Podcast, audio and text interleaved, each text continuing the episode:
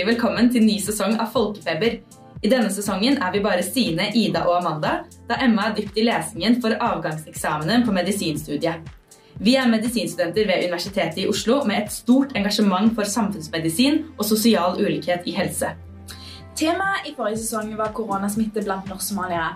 Vi snakka med en rekke spennende personer som hadde mye å fortelle.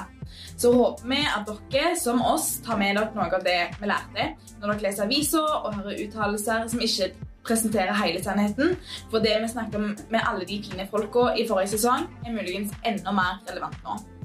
I denne sesongen skal vi ta for oss helsehjelp til papirløse migranter. Vi hører kanskje om denne gruppa i ny og ne, men hvem er egentlig disse menneskene? SSB anslår at i Norge bor hele 18 000 papirløse migranter. De papirløse av mange ulike grunner, men felles for dem er at de i verdens rikeste land har veldig, veldig få rettigheter. I løpet av sesongen skal vi prøve å svare på en rekke spørsmål. Hvordan er de situasjonen i Norge? Har de egentlig rett til helsehjelp? Hva kan vi som helsepersonell gi dem, og hva har de krav på? Og sist, men ikke minst, er det egentlig lov å gi helsehjelp til denne gruppa? Bli med oss i en ny rekke spennende samtaler hvor vi utforsker denne minoritetens helse både i samfunnet og i klinikken. Vi gleder oss! Og til sesong to har vi i likhet med sesong én fått støtte fra SKI, Center for Sustainable Healthcare Education, ved Universitetet i Oslo.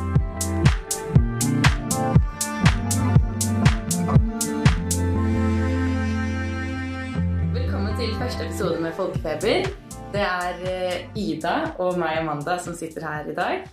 Hei. Og i denne episoden så er vi veldig heldige å få snakke med Nasim Ali Moradi, som vi kom i kontakt med gjennom organisasjonen Mennesker i limbo, og som er en papirløs migrant. Vi gleder oss jo veldig til å snakke med deg, og vi lurer på Kan du ikke først bare fortelle litt om deg sjøl? Ja, hei, og takk for invitasjonen å bli med dere og dele ut erfaringer. Jeg heter Nasim Ali Muradi. Jeg er kurder fra Iran. En papirløs uh, siden 2007. Jeg søkte asyl i 2007 i Norge og fortsatt uh, sitter i den sånn limbo-situasjonen. Hvorfor kom du til Norge? Jeg var en politisk og religiøs aktivist. jeg kunne ikke være i sånn mitt hjemland. For jeg opplevde mye turtur og fengsling og sånn. Jeg tålte ikke mer, så jeg måtte forlate Iran. En forferdelig regime. Så, men fortsatt de tror ikke på min um, uttalelse. Norske myndigheter? Norske myndigheter, ja. I mange år. Så jeg sitter i den uh, limbo-situasjonen. Mm. Og de sier uh, Vi tror ikke på din aktivitet eller din uh, sånn uttalelse fra hjemlandet. Men i Norge jeg har mye bekreftelse, mye dokumentasjon på min aktivitet, som er fortsatt er en aktivist mot iranske regimet. Men fortsatt de sier nei til min asylsak. Men Hvordan har prosessen vært fra du kom til Norge og til nå? Jeg har klaget og anket mange ganger på søknaden, eller på, på de vedtakene som jeg har fått. Men fortsatt de sier nei, og jeg har fått mange avslager. Og nesten hvert år jeg har fått en. Eh, altså jeg, de, de, sa de ga meg et sånn utvisning fra Norge. Og jeg gikk til Danmark, jeg søkte asyl i Danmark, og etter mer et år de sendte meg tilbake til Norge igjen. Og situasjonen er fremdeles som, som før. Mm. Det er ikke noe endring. Var du først asylsøker, og så Ja, først jeg var asylsøker. Mm. Så man får som De asylsøkere som får avslag, vi kaller dem som papirløse. Men Har du fortsatt aktivitet mot det iranske regimet? Fortsatt, ja, er det fortsatt like farlig å dra hjem? Fortsatt jeg er aktiv, og jeg skal være aktiv i hele mitt liv. Så jeg, det er mitt valg, og jeg valgte den selv. Men, er, men er det farlig for deg, og sånn som å snakke med oss og legge i en podkast, er, er, det en risiko for deg å bli da sendt ut? Mm, hvis, hvis, jeg ble sendt ut, så sikkert det blir fare. Men jeg deltar på mange forskjellige programmer, demonstrasjoner utenfor iranske ambassader, utenfor Stortinget, Utenriksdepartementet og blant medieaktivitetene. Jeg er kameramann og fotograf frivillig på en kurdisk eh, politisk kanal, eller TV-kanal, som er helt forbudt i Iran. Men jeg er mer enn 14-15 år, jeg har erfaring, og jeg jobber med den kurdiske tro. Jobber du der fortsatt? Ja, jeg er frivillig, jobber der Ja. fortsatt. Kan jeg spørre, altså Et utrolig modig valg å fortsette å drive aktivisme når du blir møtt med så mye som du sier der, tortur og fengsling. og Det tyder på at det er en veldig viktig sak. Hva nøyaktig er det du gjør opprør mot i Iran? Hvis, eh, hvis jeg var helt stille og gjorde ingenting, så jeg, det betyr at jeg aksepterte den. Den forferdelige regimen. Så jeg var i Iran, jeg var veldig redd. Jeg ble tortura mange ganger. Jeg ble fengsla i varetektsfengsel og uh, ble avhørt mange ganger. Og når jeg gjorde det i den mm, helvetessituasjonen i Iran, så i et land som er med mer frihet og mer sånn på en måte det er litt beskyttelse, så hvorfor jeg kjemper ikke videre? Så jeg, jeg tror eh, mot alle diktatorregimer i verden, så vi må kjempe mot dem og fjerne de eh, diktatorene i hele verden. Så det er mitt valg, og jeg sier ja, ok, så lenge jeg kan, jeg må kjempe. For frihet mest. Så du kjempet for det samme både før og etter du flyktet til Norge? Det samme nå. I Norge det er mer, eh, mer aktivitet enn å være i Iran. Så jeg bruker media som blant Facebook, Instagram og Telegram og WhatsApp og alt, eh, alt mulig. Så jeg bruker jo eh, bare som motstander mot iranske regime. Men nå når du er her da, og har blitt papirløs Du har blitt fratatt veldig mange rettigheter, bl.a. rettigheten til betalt jobb og til mye av helsehjelp og, og så lignende. Hvordan, hvordan overlever du? Hvordan bor du? Hvordan tjener du penger? Eh, Fram til slutten av 2010 jeg hadde midlertidig arbeidstillatelse, og jeg hadde en fast jobb. Ja. Og jeg kunne betale husleie, og alt var i orden. Jeg hadde en fast lege også. Eh, Jeg betalte skatt mer, eh, kanskje, jeg husker ikke godt, men jeg har alle de lønneslippene som jeg har fått fra den jobben. Jeg har betalt mer enn 150 000 i skatt bare i de årene som jeg hadde arbeidstillatelse. Men etter det så jeg var veldig som i en håpløs situasjon. Jeg, jeg følte meg veldig svak. Og jeg kunne ikke gjøre noen. Jeg kunne ikke planlegge for mitt liv. Men jeg hadde ikke noe valg. Jeg kunne ikke dra tilbake til Iran. Og på den tiden jeg følte meg veldig svak. Jeg prøvde å ta livet mitt to ganger. Men eh, det var på den tiden. Jeg kunne ikke takle den situasjonen. Men eh, etter at jeg ble kjent med kristendommen og med kirkevenner, så eh, Også med en sykepleier, så mm, har fått mye hjelp av dem. Og kunne finne en vei for å eh, lage noen planer for meg og være aktiv være, som, være en som giver. Og kunne bidra med noe i samfunnet. Og den prosessen tok nesten, ja, nesten fire år. Og jeg gikk til Danmark og søkte asyl i Danmark. De sendte meg tilbake hit igjen til Norge. Jeg var i Harstad i Nord-Norge.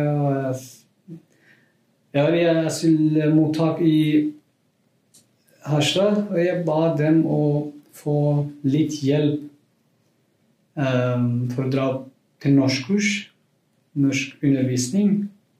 Og de sa dessverre du er en sånn person som har fått endelig avslag, du får ikke den muligheten.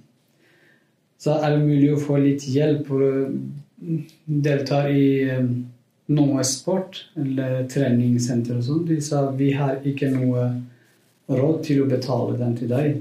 Og da, på en måte det var en liten fengsel, men så var åpent. Så mottaket var utenfor byen, og vi måtte betale um, 50 kroner tur og 50 retur til å komme i byen og kjøpe litt mat og komme tilbake.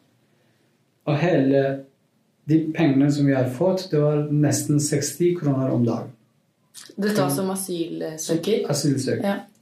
Så det er veldig lite man må betale eh, for mat, for klær, for mobilregninger, for transport, for advokat, for medisin og alt. Det er 60 kroner om dagen. Det er ingenting. Må dere selv betale for advokat? Ja, ja. Men første Når, man søker asyl for, for, og får avslag for første to timer, så det er bare UDI som betaler. Og så har advokaten skrevet en eh, omgjøringsbegjæring. Så hvis de får avslag, da advokaten sier du må betale selv resten. Det er jo ikke mulig. Så det er det. Så eh, det, er, det mange av de personene kunne ikke klage på vedtaket, og det er derfor eh, de reiste ut av landet. Noen ble sendt tilbake med tvang, og noen reiste tilbake som frivillig. Så eh, jeg eh, hadde noen venner rundt meg, og de kunne samle litt eh, penger og fikk ny advokat. Jeg skulle klage, men det var bare avslag og avslag igjen. Også de advokatene i NOAS prøvde å ta min sak. Så de skrev noe om juryens men fortsatt de sa at nei. Og jeg kunne ikke få noe positivt svar. Så du spurte om hvordan jeg overlever. Jeg starta fra starten. Jeg begynte fra starten. Og når jeg var i Harstad, jeg kunne ikke gjøre noe. Så jeg kontaktet mine venner i Oslo og Lillestrøm-området. Sa hvis du bare bor på mottak for å få 60 kroner om dagen for å bare kjøpe mat. Du trenger ikke å kjøpe mat. Bare kom til oss, vi sitter sammen, vi spiser, og du kan sove hos oss. Og fra 2016 til nå jeg bor akkurat på den måten. Og jeg tjener ikke noe penger. Og jeg jobber frivillig nesten fem dager i uka. På mandager Men nå pga. korona det er alt som blir redusert, eller noen av de frivillige arbeidene som er stengt. På mandager på morgenen Vi hadde møte med mennesker i Limbo hver mandag fast til klokka tre. Og fra klokka seks etter middag til klokka ni jeg deltok på norsk eh, bibelundervisning. Så på tirsdager jeg jobbet i Kirkens Bymisjon i et kaffe- og møtested. Så onsdager jeg var fri nesten. Men jeg deltok på flere andre arrangementer, eller møter med journalister, møter med politikere og alt. På torsdager jeg jobbet i helsesenter, eller jeg jobber fortsatt i helsesenter for papirløse. På fredager jeg deltar på en persisk bibelundervisning. Så på lørdager ofte driver med sånn politisk arbeid, seminarer og demonstrasjoner og markeringer mot iransk regime. Og søndager jeg går til kirke. Det er sånn mine planleggende dager. Så hvis jeg eh, får noen ledige timer, eller fritimer, jeg går på tur, eller jeg skriver dikt. Det er mine daglige program. Har du alltid holdt deg så aktiv, eller de siste årene? Ja, fra 2016 til nå. Jeg akkurat jeg er i den eh, rollen og i den programmet. Så jeg lever akkurat sånn. Du snakket litt om perioden fra, fra du kom i 2007 Ja. fram til 2016. Hvordan, ja, Det hørtes jo ut som det hadde vært tøft. Har du lyst til å utdype litt mer om hvordan det var med alle disse avslagene i begynnelsen? Og, altså, du kunne jo ikke reise tilbake. Det var aldri en mulighet for deg. Ja, det var Når jeg søkte asyl, eller når jeg var første dagene i Norge, jeg følte meg veldig ensom. Men jeg tenkte på min situasjon Hvis jeg sammenligner den situasjonen i Norge og i Iran i en sånn lite fengsel, så jeg tenkte ok, nå jeg er i en god mulighet. Jeg lever i en god land, så jeg trenger ikke å bekymre meg som, som før. Så jeg tenkte endelig jeg får en mulighet for å leve helt fri med, med rettigheter i et land. En dag de kommer og tror på meg, men eh, selv om jeg prøvde mange ganger, det var, det var ikke vellykket. Men på, det, det var i 2011 jeg følte meg veldig svak. Jeg kunne ikke tenke positivt. Jeg tenkte så lenge jeg kan ikke gjøre noe for meg og for samfunnet Jeg kan ikke planlegge noen timer for meg selv. Så jeg prøvde å ta livet mitt. Jeg var veldig bekymret, og jeg har fått en uh, hjerneslag. Så jeg ble innlagt ved en akutt uh, henvendelse. Jeg ble innlagt i Ullevål sykehus i nesten ti-elleve uh, dager. Etter det de oppdaget at så, under noen undersøkelser så de fant at mitt hjerte er en hull, så de må lukke den.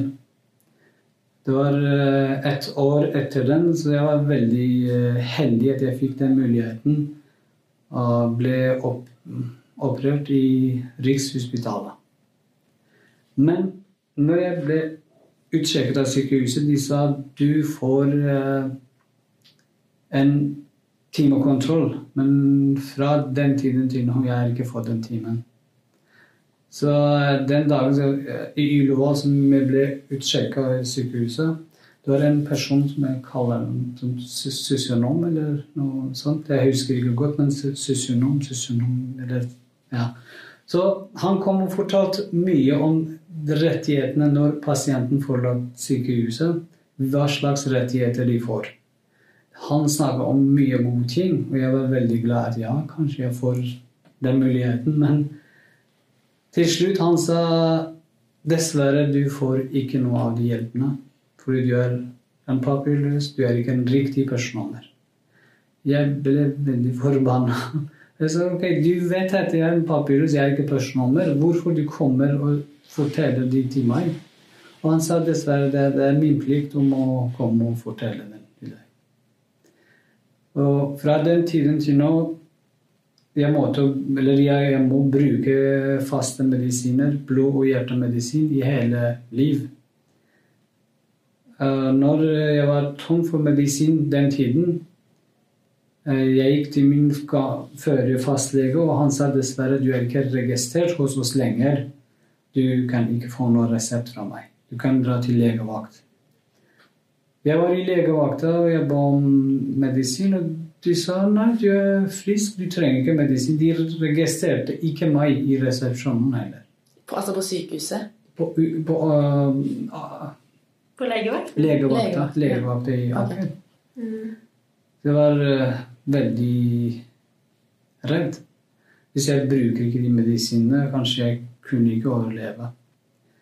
Så det var uh, veldig sånn bekymringstid som hver eneste dag. Det ble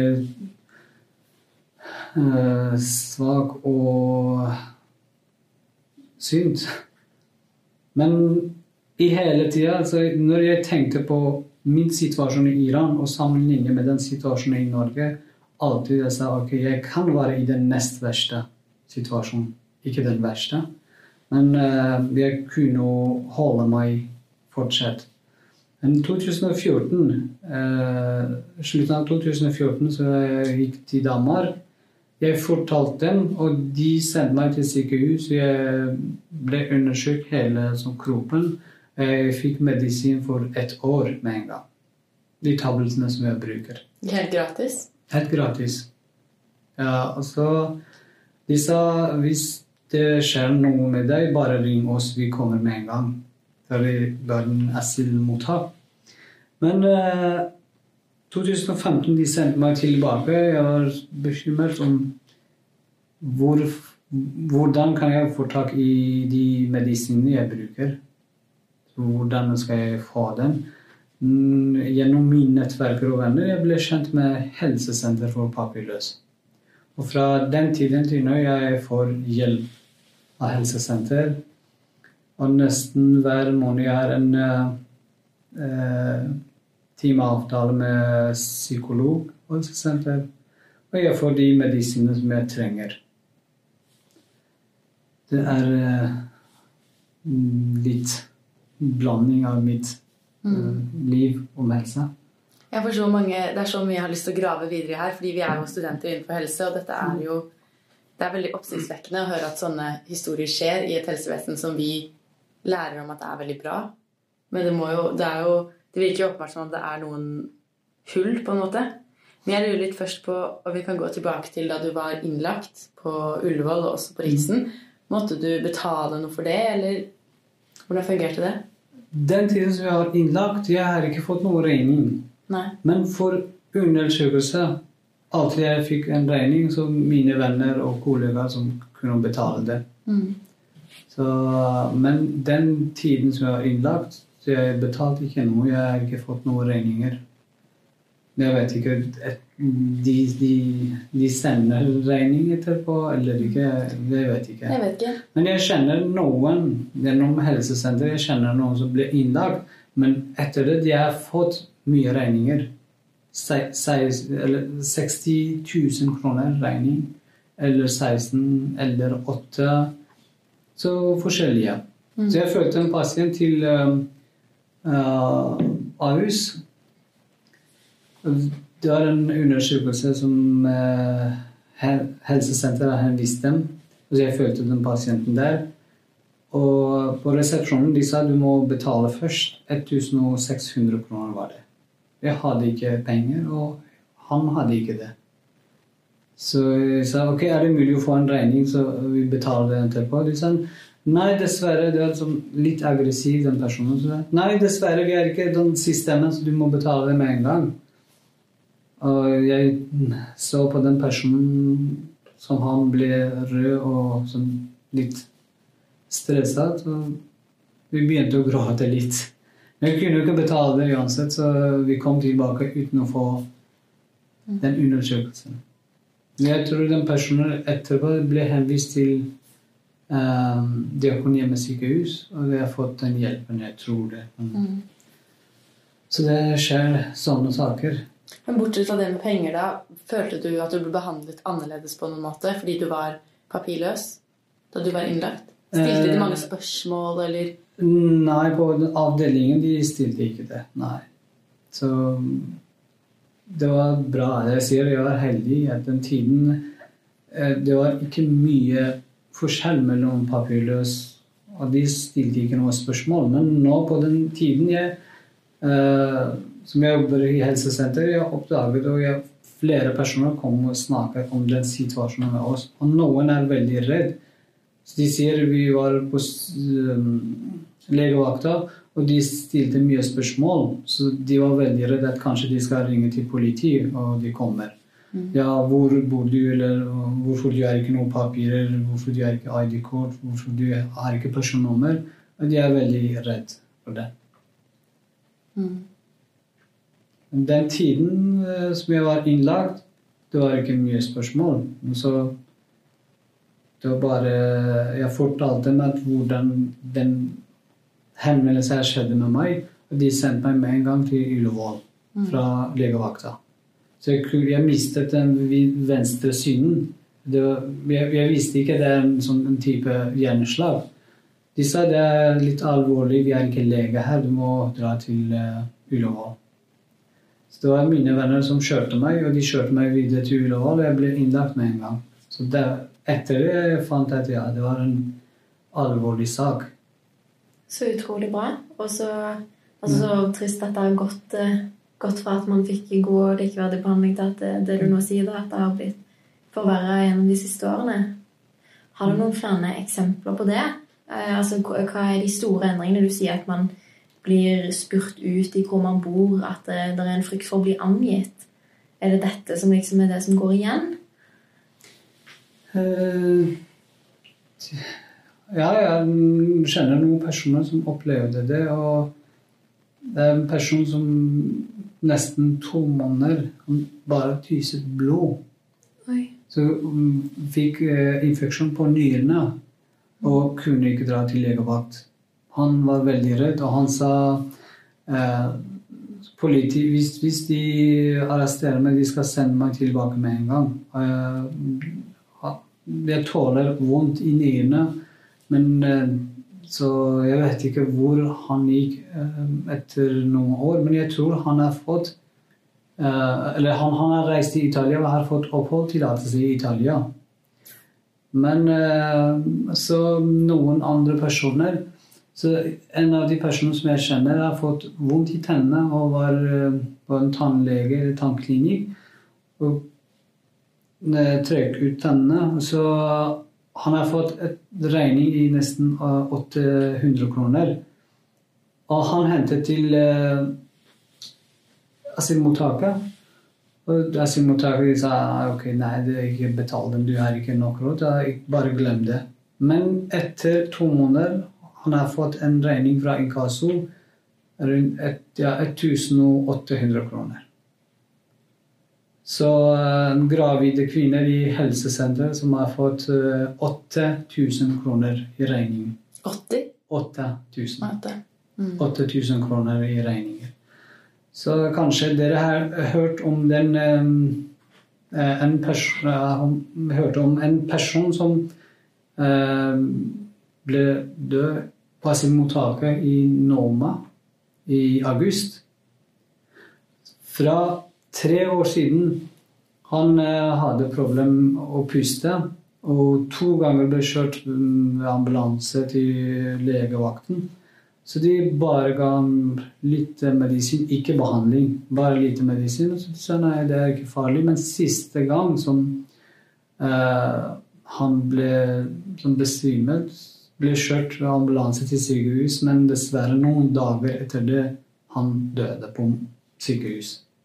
Fordi han hadde kreft fra tre år siden, som lungekrefter, uten behandling, så han døde på mottak og sykehus de siste dagene. Det skjer mye i landet, sånne historier. Men jeg lurer på, er det stor forskjell på å være, med tanke på helsehjelp, på å være papirløs og asylsøker? De sier de, de som er asylsøkere, de har rett. Men de har ikke fastlege. Så mange av de personene ble flyttet fra mottak til mottak. Og det er ikke noe system som føler deres, deres um, journal. Så de er ikke en personnummer som ble registrert i systemet. Så det er bare den første lege som har vært hos dem, de føler den saken. Så hvis de flytter f.eks. fra Hobel-mottak til Drøvsjø, så det er et helt nytt system der. Så det, det, er vanskelig å få tak i journalen der på andre sted. Det høres veldig kronglete ut. Ja, så så de har ikke tilgang til uh, fastlege. Så det er et annet problem. Uh, når de er hos lege og de skriver en sånn resept for dem, når de er i apotek for å få resepten, de blir bedt om et legitimasjon. Og helt tydelig og klar står på den legitimasjonen de, de, de, Den er ikke gyldig som legitimasjon. Så hvorfor de utdeles det til korte mellom? Mm. Det er um, ofte det er vanskelig å få tak i medisiner selv om de får en resept. Men jeg lurer på, i en sånn situasjon, da, hvis du er på apoteket, er man da avhengig av at den personen som jobber der, sier ok, det er greit? Eller har du inntrykk av at det er enkeltmennesker, altså enkeltleger eller butikkansatte som, som kan bestemme? Skjønner du hva jeg mener? Eller? Ja, jeg, jeg forstår det. Men noen som er veldig streng, Og de sier nei, du må ha en legitimasjon. Og noen tenker på den situasjonen til den personen, så de sier ja, ok, det er bare eh, papirløs. De har bare dette kortet. Det er selvfølgelig bare med, med sånn uh, samvittighet fra den personen hvordan vi reagerer.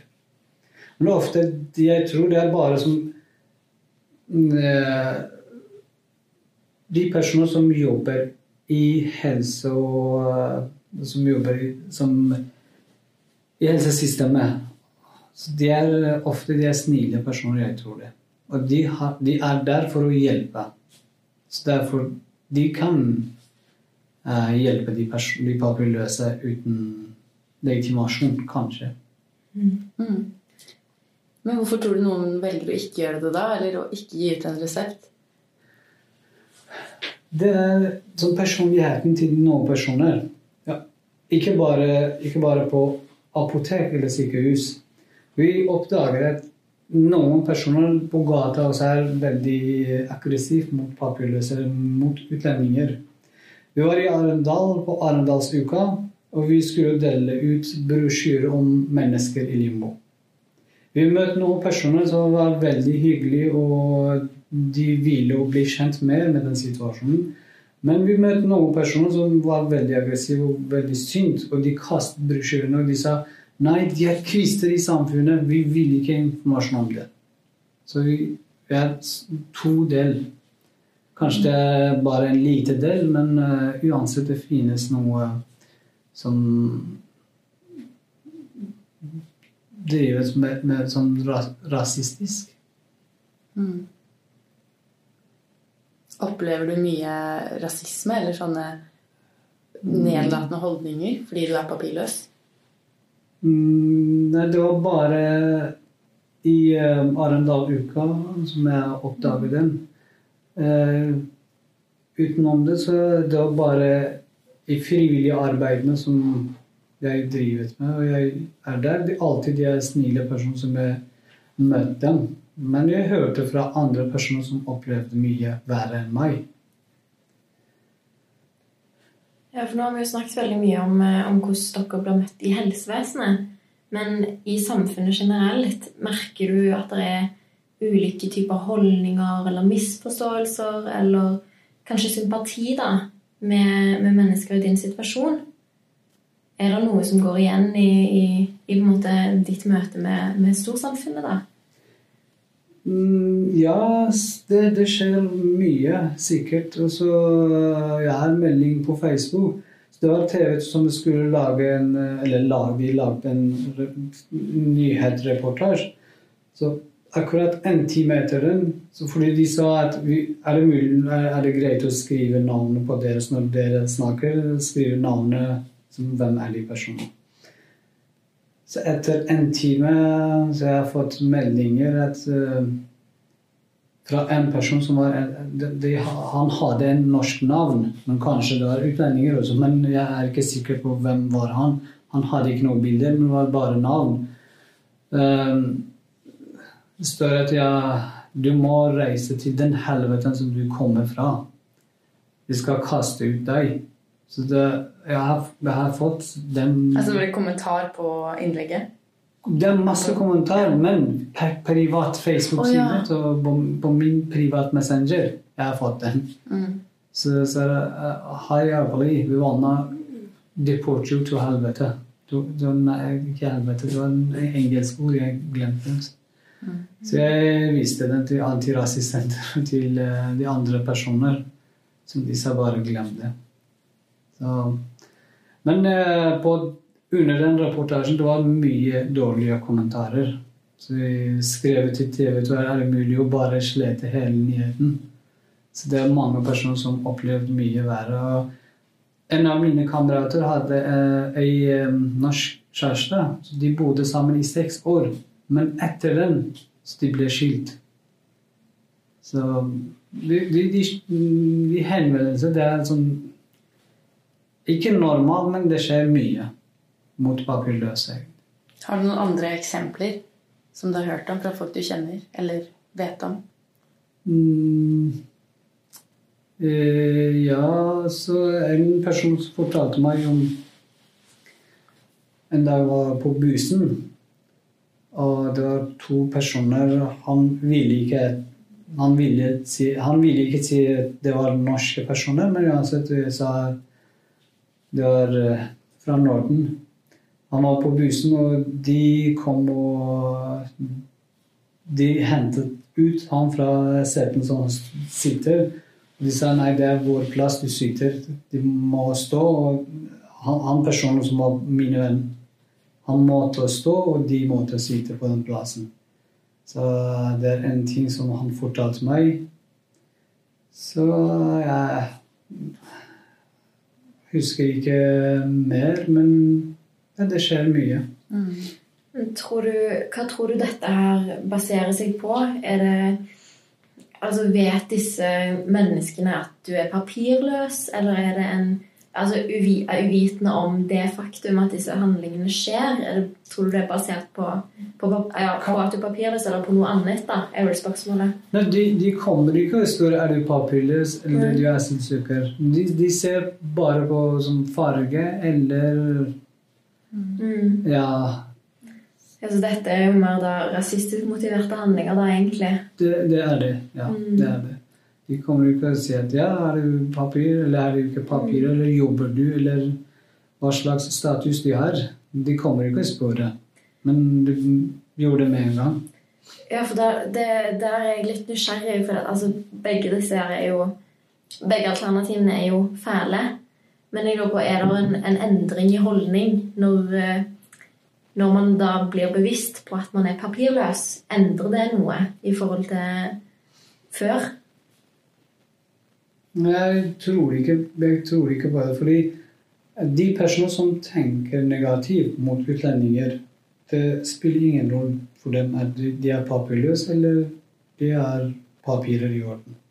De gjør det som de vil. Så det var på ja, begynnelsen av koronatiden i, i fjor. Det var uh, begynnelsen av april som alt var stengt. Det var helt sånn kaos i hele landet.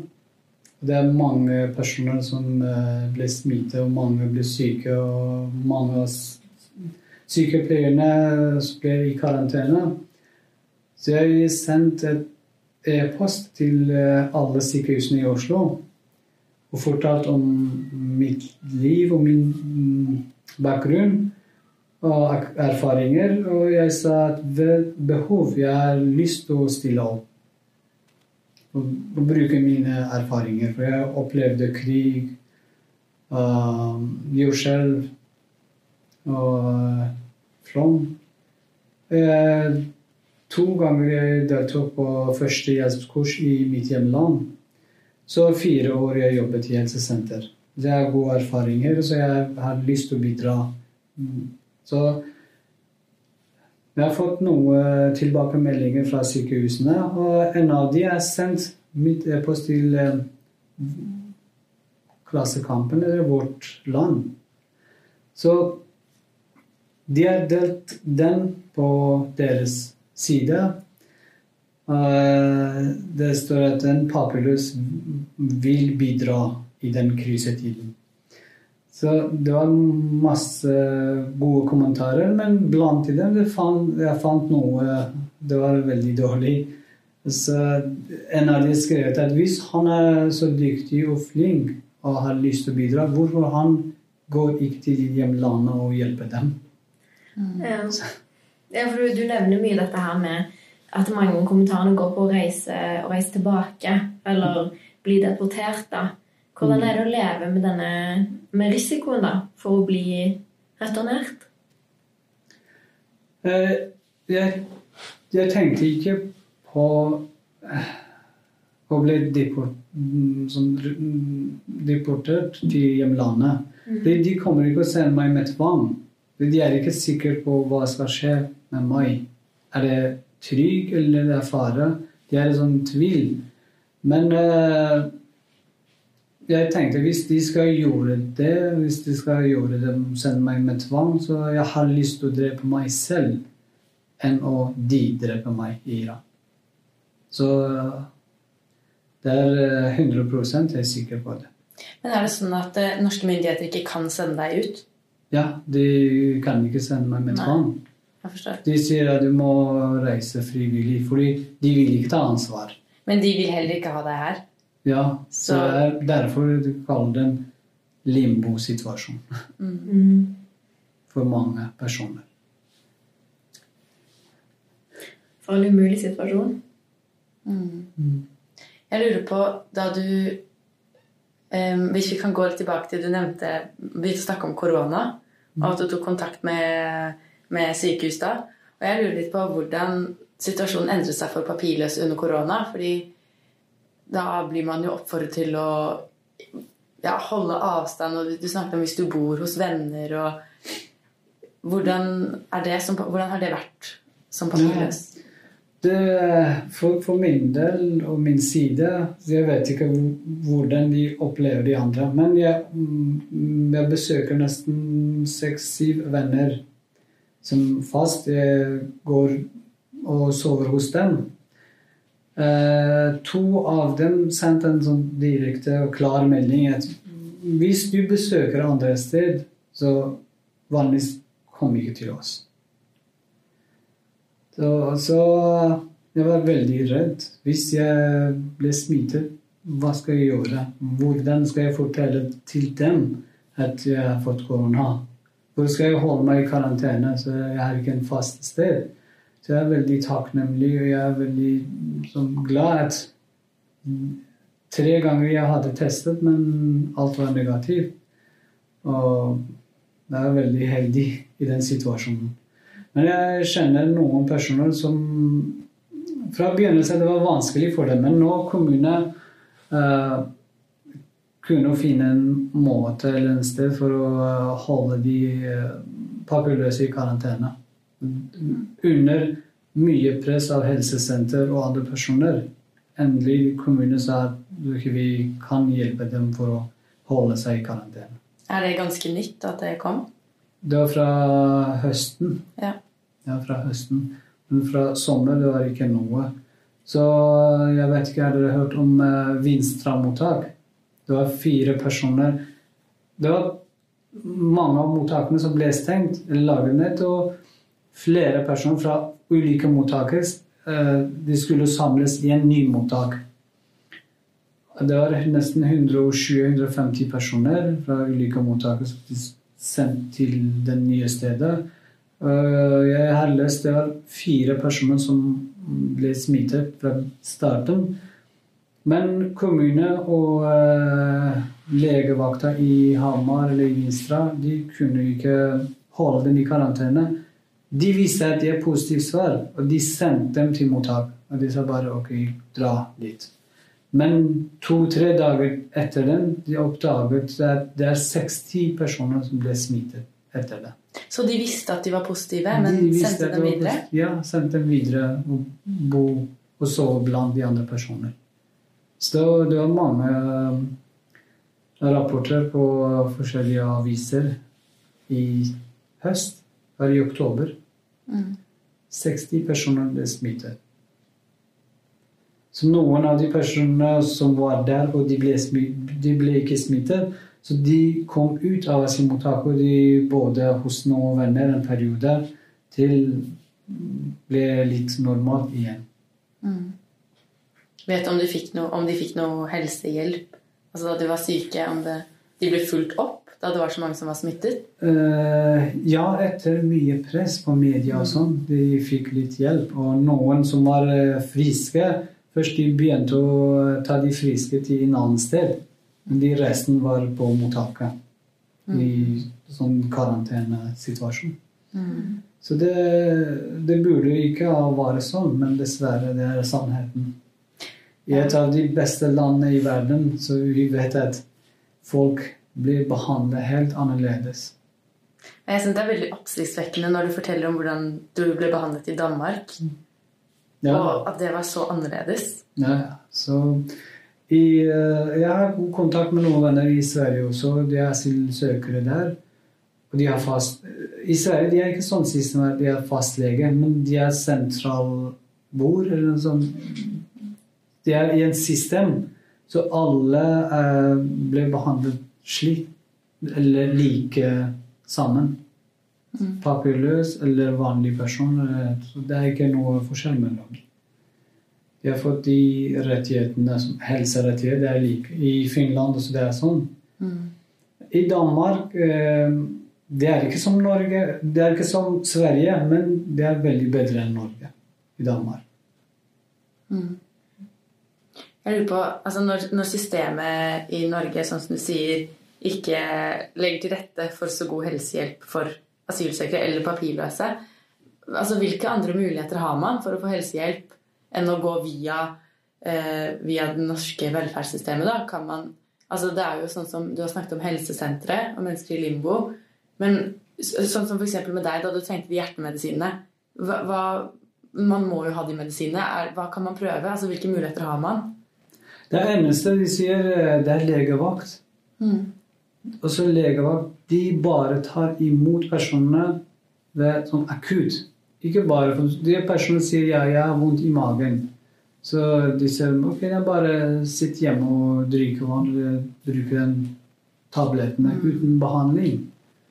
Så det eneste sted er det bare legevakt. Hvis vi hadde ikke helsesenter Det er mange personer som bekrefter det. at Hvis de hadde ikke helsesenter for å behandle, så det mange av dem var døde for mange år siden. Så jeg, vi har laget en video om ti års markering for helsesenter. Så det er intervju med noen personer som forteller mye om eh, helsesenter og helsehjelpen som de har fått.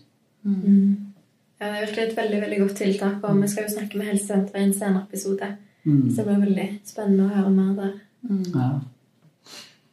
Men Kan vi få også høre litt mer om mennesker i limbo? Eh, Mennesker i limbo, så det starta i 2012. Eh, fra en, det var en ID fra helsesenter. Fordi det er mange av de, eh, eh, de papirløse, eller de asylsøkere, så de De er i et sånn syk, De har psykiske problemer. Så hvis, hvis de varer sammen, de føler at de er, de er like og de er, eh, de er i et situasjon, de føler ikke sånn, en sånn. Når de sitter sammen, det er, det er helt annerledes å sitte med en person som alt er i orden. Så med den tankningen, de eh, psykologene i helsesenter, de starta en gruppe bare for å bygge nettverk. Og den ideen etter eh, tre år det ble en sånn organisasjon som Mennesker i limbo. Og den ble registrert i Brønnøysund i 2015 som et ordentlig organisasjon med organisasjonsnummer og alt. Og fra 2015 til nå vi kunne registrere rundt 250 sånn papirløse. Eh, så vi, vi, hadde møte, eller vi hadde møte hver mandag før koronatiden. Vi hadde møte eller det hele sommer til høst til, til de nye tiltakene kom. Så alle møter fysisk og sånn nettverk så var stengt, så vi hadde møte. Så um, vi snakket om eh, nye nyheter, og vi delte ut erfaringer. Vi lagde som ofte aktiviteter. eh, fysiske aktiviteter. Og eh, vi satt sammen og snakket om problemene, og vi møtte politikerne. Vi snakket med journalister, med TV-er og de tingene. Så på en måte vi kunne jo vise vår situasjon mer med et organisasjon, ikke med en sånn enkeltperson. Men som organisasjon man kan gjøre mer. Derfor eh, mennesker i limbo ble etablert. Så når vi er på våre møter, på en måte vi trøster hverandre. Så alle er fra forskjellige land og ulike land, ulike bakgrunner, ulike nasjoner, men i ett ting vi er felles. Det er papirløs. Så vi er ikke noen papirer. Så det er eneste ting som vi samles rundt et bord, det er å mangle papirene.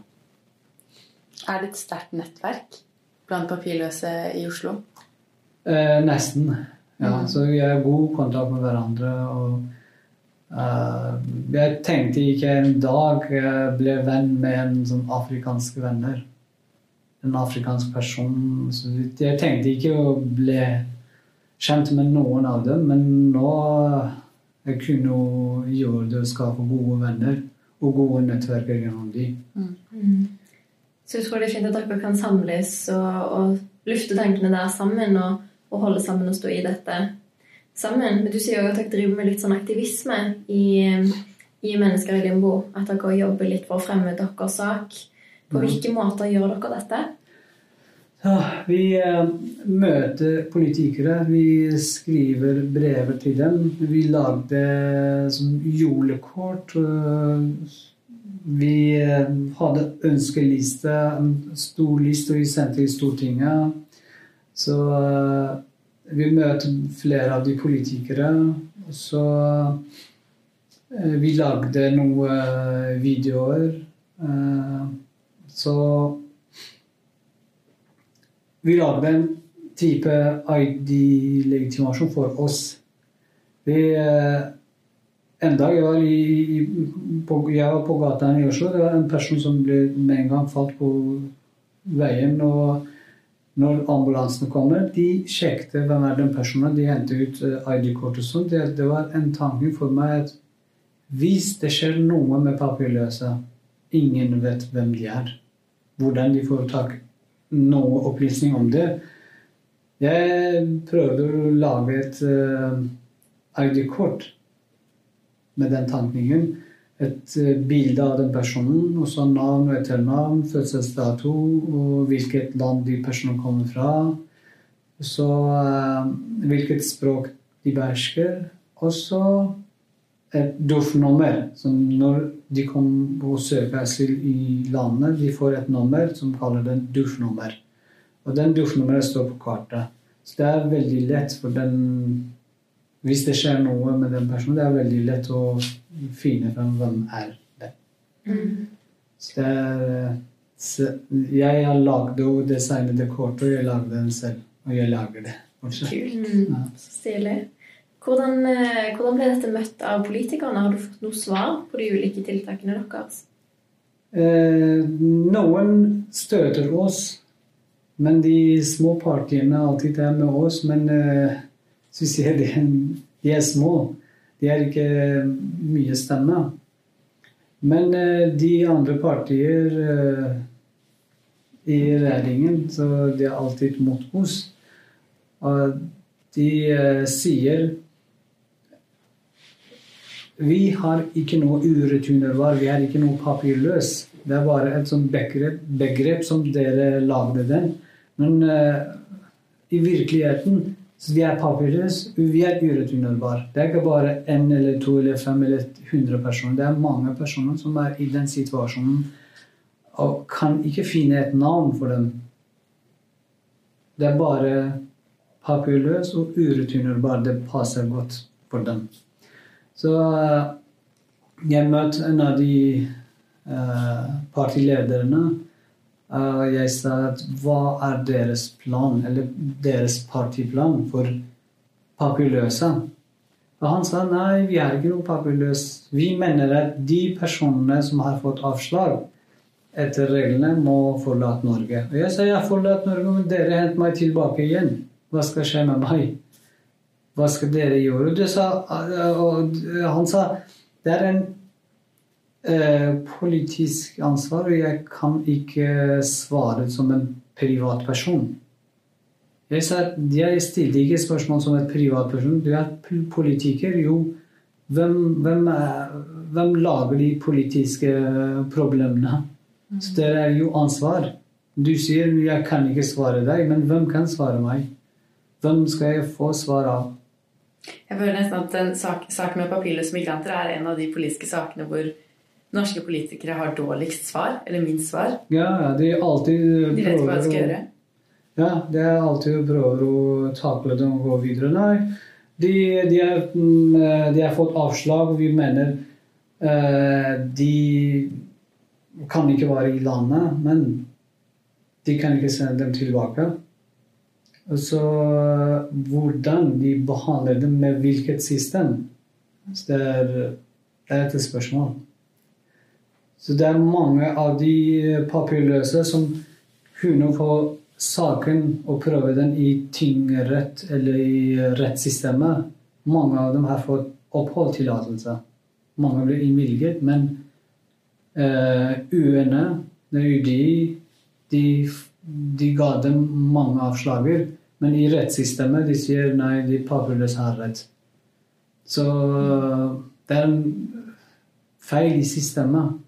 Fordi det er mange personer som eh, behandler eh, sakene. De saksbehandlerne har ikke god kunnskap i asylsaker. F.eks. min saksbehandler er en eh, person som jobbet i barnehage som barnevern og komme og bli en eh, saksbehandler på utlendingssaker. Så han har ikke kunnskap i, i, eh, om Iran og politisk arbeid i iranske miljø.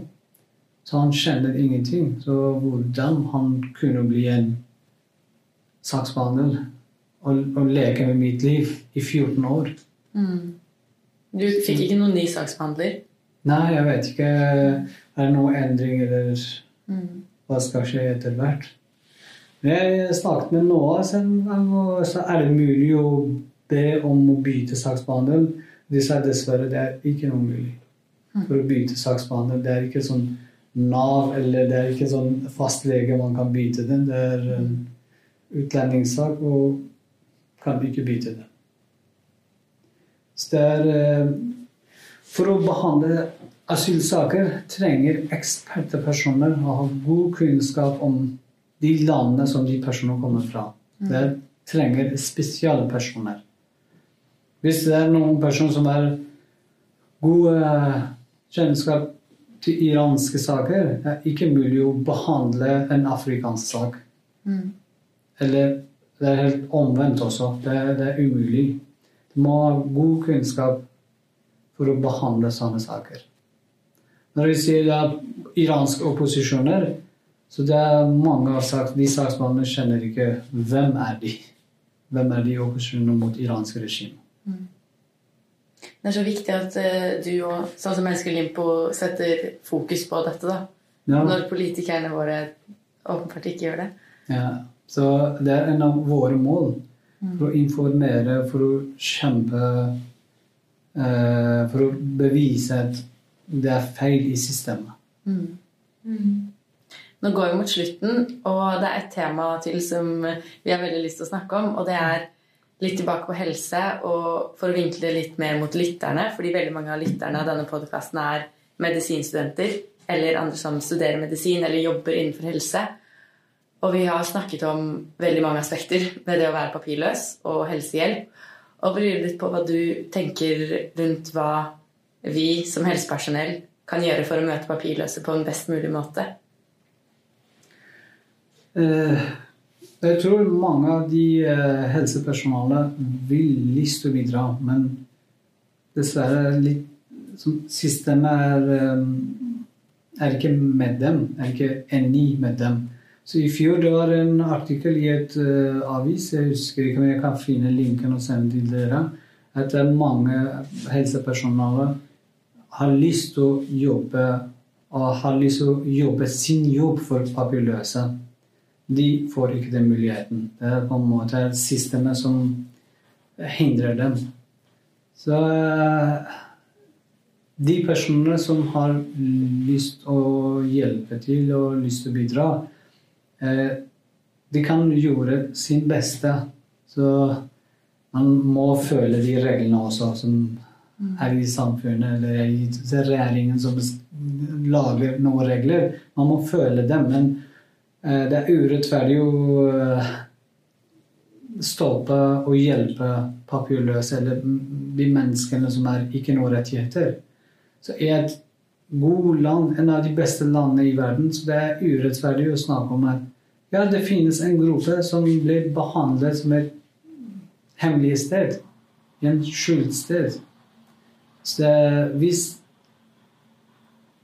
hvis det var en annen land, i et diktatorland eller et land med dårlig økonomi, da vi kunne si ok, det er ikke kapasitet, det er ikke mulighet. Men i et god land med eh, gode mennesker, hvorfor man må behandle Man må bli behandlet på denne måten. Så vi kaller dem papirløs, uten rettigheter.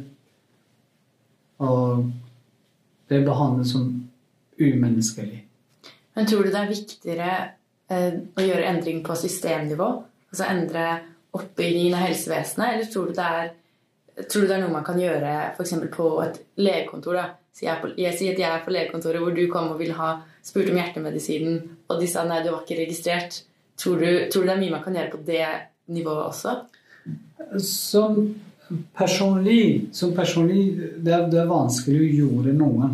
Men det, hvis det blir en endring i systemet hvor de, de papirløse blir tatt imot ordentlig som et pasient, som et vanlig menneske, da vi trenger det.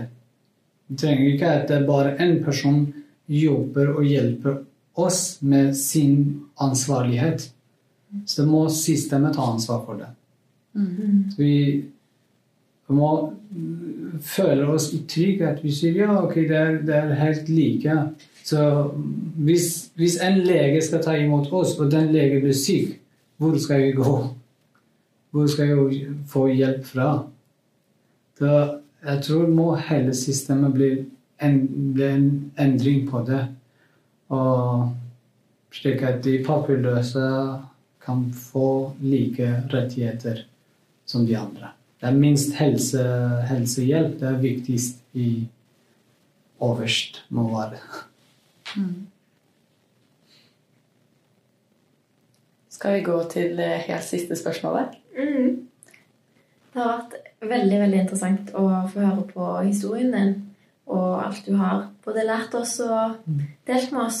Og til slutt så lurer vi bare på sånn helt oppsummeringsvis hva er det du ønsker at lytterne skal sitte igjen med? De som sitter hjemme Jeg tror før de dømmer oss De må kjenne vår situasjon. De må kjenne oss, og de må forstå hvem vi er, og hva vi vil. Så det er eneste de personene som måtte vite om oss. Vi er ikke vi er ikke kvister. Vi er ikke ekstrem i, i, samfunnet. Vi har lyst til å bidra. Så mange av oss de har gode erfaringer og har lyst til å bidra og bygge en god samfunn eh, med de andre. Men pga. feil tolkning av vår situasjon, så det er mange mister den eh, måten å, mm, å hjelpe til å bidra i samfunnet. Og de går til side, og de, de ble glemt. Så jeg håper at eh, en dag de kommer å forstå oss og vår situasjon og aksepterer oss i samfunnet. Det håper vi òg. Mm. Tusen, tusen takk. Det var utrolig spennende. Tusen takk, Nasim. Eh, og så har vi kjøpt en blomsterbukett til deg. Noen vårtulipaner. Vær så god.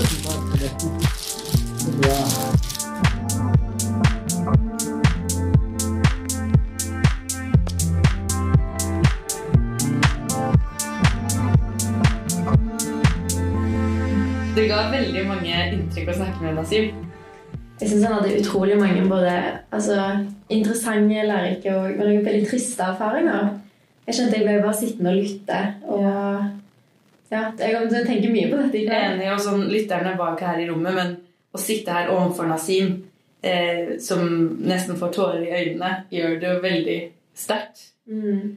Så jeg håper, eh, ja, jeg håper også det blir sterkt for lytterne, og at det kan skape litt spor, da, de fortellingene han kommer med. Mm. Det Ja, og litt, eh, altså, gjøre det litt tydeligere hvilken, hvilken situasjon disse her er i. da. Sånn som han også nevnte Nå lurer jeg på om det var etter vi skrudde av mikrofonen, men han har jo betalt 150 000 kroner i skatt, og han har jo aldri fått noe tilbake av, av samfunnet vårt på samme måte som vi får tilgang til helse og utdanning og sånn.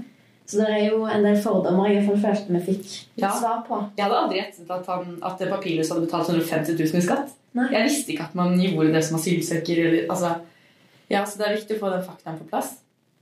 Og en annen ting jeg syns var veldig, eh, veldig interessant, og som jeg kommer til å tenke mye på, er at vi spurte om eh, hva medisinstenter eller helsepersonell kan gjøre. Så håpet jeg veldig at det skulle komme med sånn oppfordringer til at vi kan skape endring, og det er så mye man kan gjøre, og det virket jo litt mer håpløst.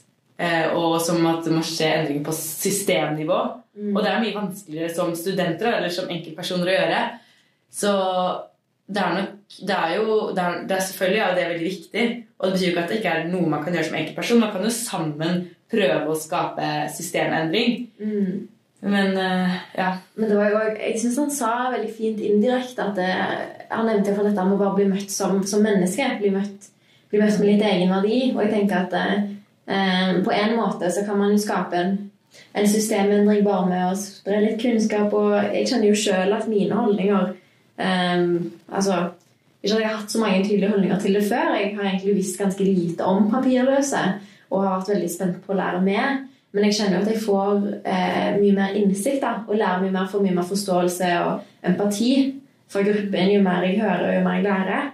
Eh, og jeg tror jo dette er noe vi kan gjøre. Bare det å møte noen som menneske, møte noen med respekt og forståelse. Og gjerne ikke med den aggressiviteten da, som man beskriver, om det så er eh, i forhold til økonomi eller bare generelt eh, Mm. på bussen eller på Ja. Facebook. Og, og han, han altså, Da vi snakket om hvordan papirløs ble behandlet i helsevesenet, så bringte han jo opp temaet rasisme. Mm. Så det, det er jo noe enkeltmennesker kan eh, tenke på. da.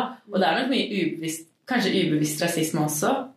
Eh, som jeg tror man trenger å snakke mer om i helsevesenet. Mm. Og så må jeg sikkert bare skyldes rett og slett uvitenhet. Mm. Eh, det er jo det som er trist òg. Mye fordommer kommer jo fra uvitenhet. Så det, Ja. jeg tror det er viktig å altså være åpen og lære mer, og det er jo noe kan gjøre. Og systemendring det Ja. skjer jo som et resultat av enkeltindivider da, som endrer seg Mm. i en stor gruppe.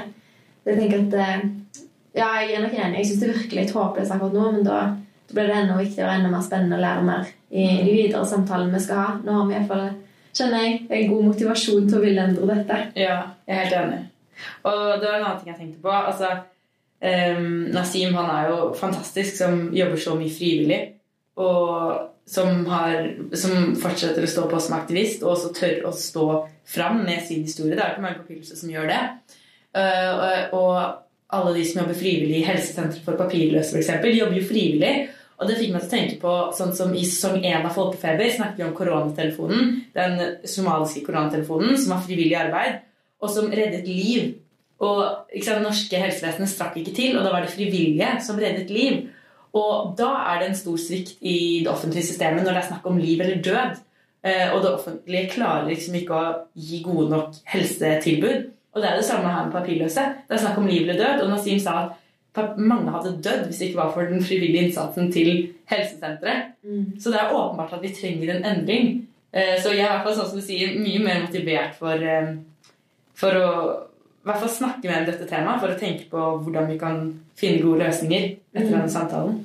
Så det er jo absolutt noe vi må snakke med både helsesenteret om og juristen når vi til slutt kommer der, og se hva det er vi kan gjøre både innenfor eksisterende regelverk og i gråsonene. Hvilken, eh, hvilken endring man kan gjøre.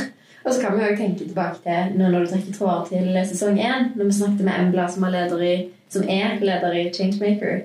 Det er jo òg mulig å stemme på noen som har papirløse i sitt eh, partiprogram. Som man sier, så er det mange av de mindre partiene som har det.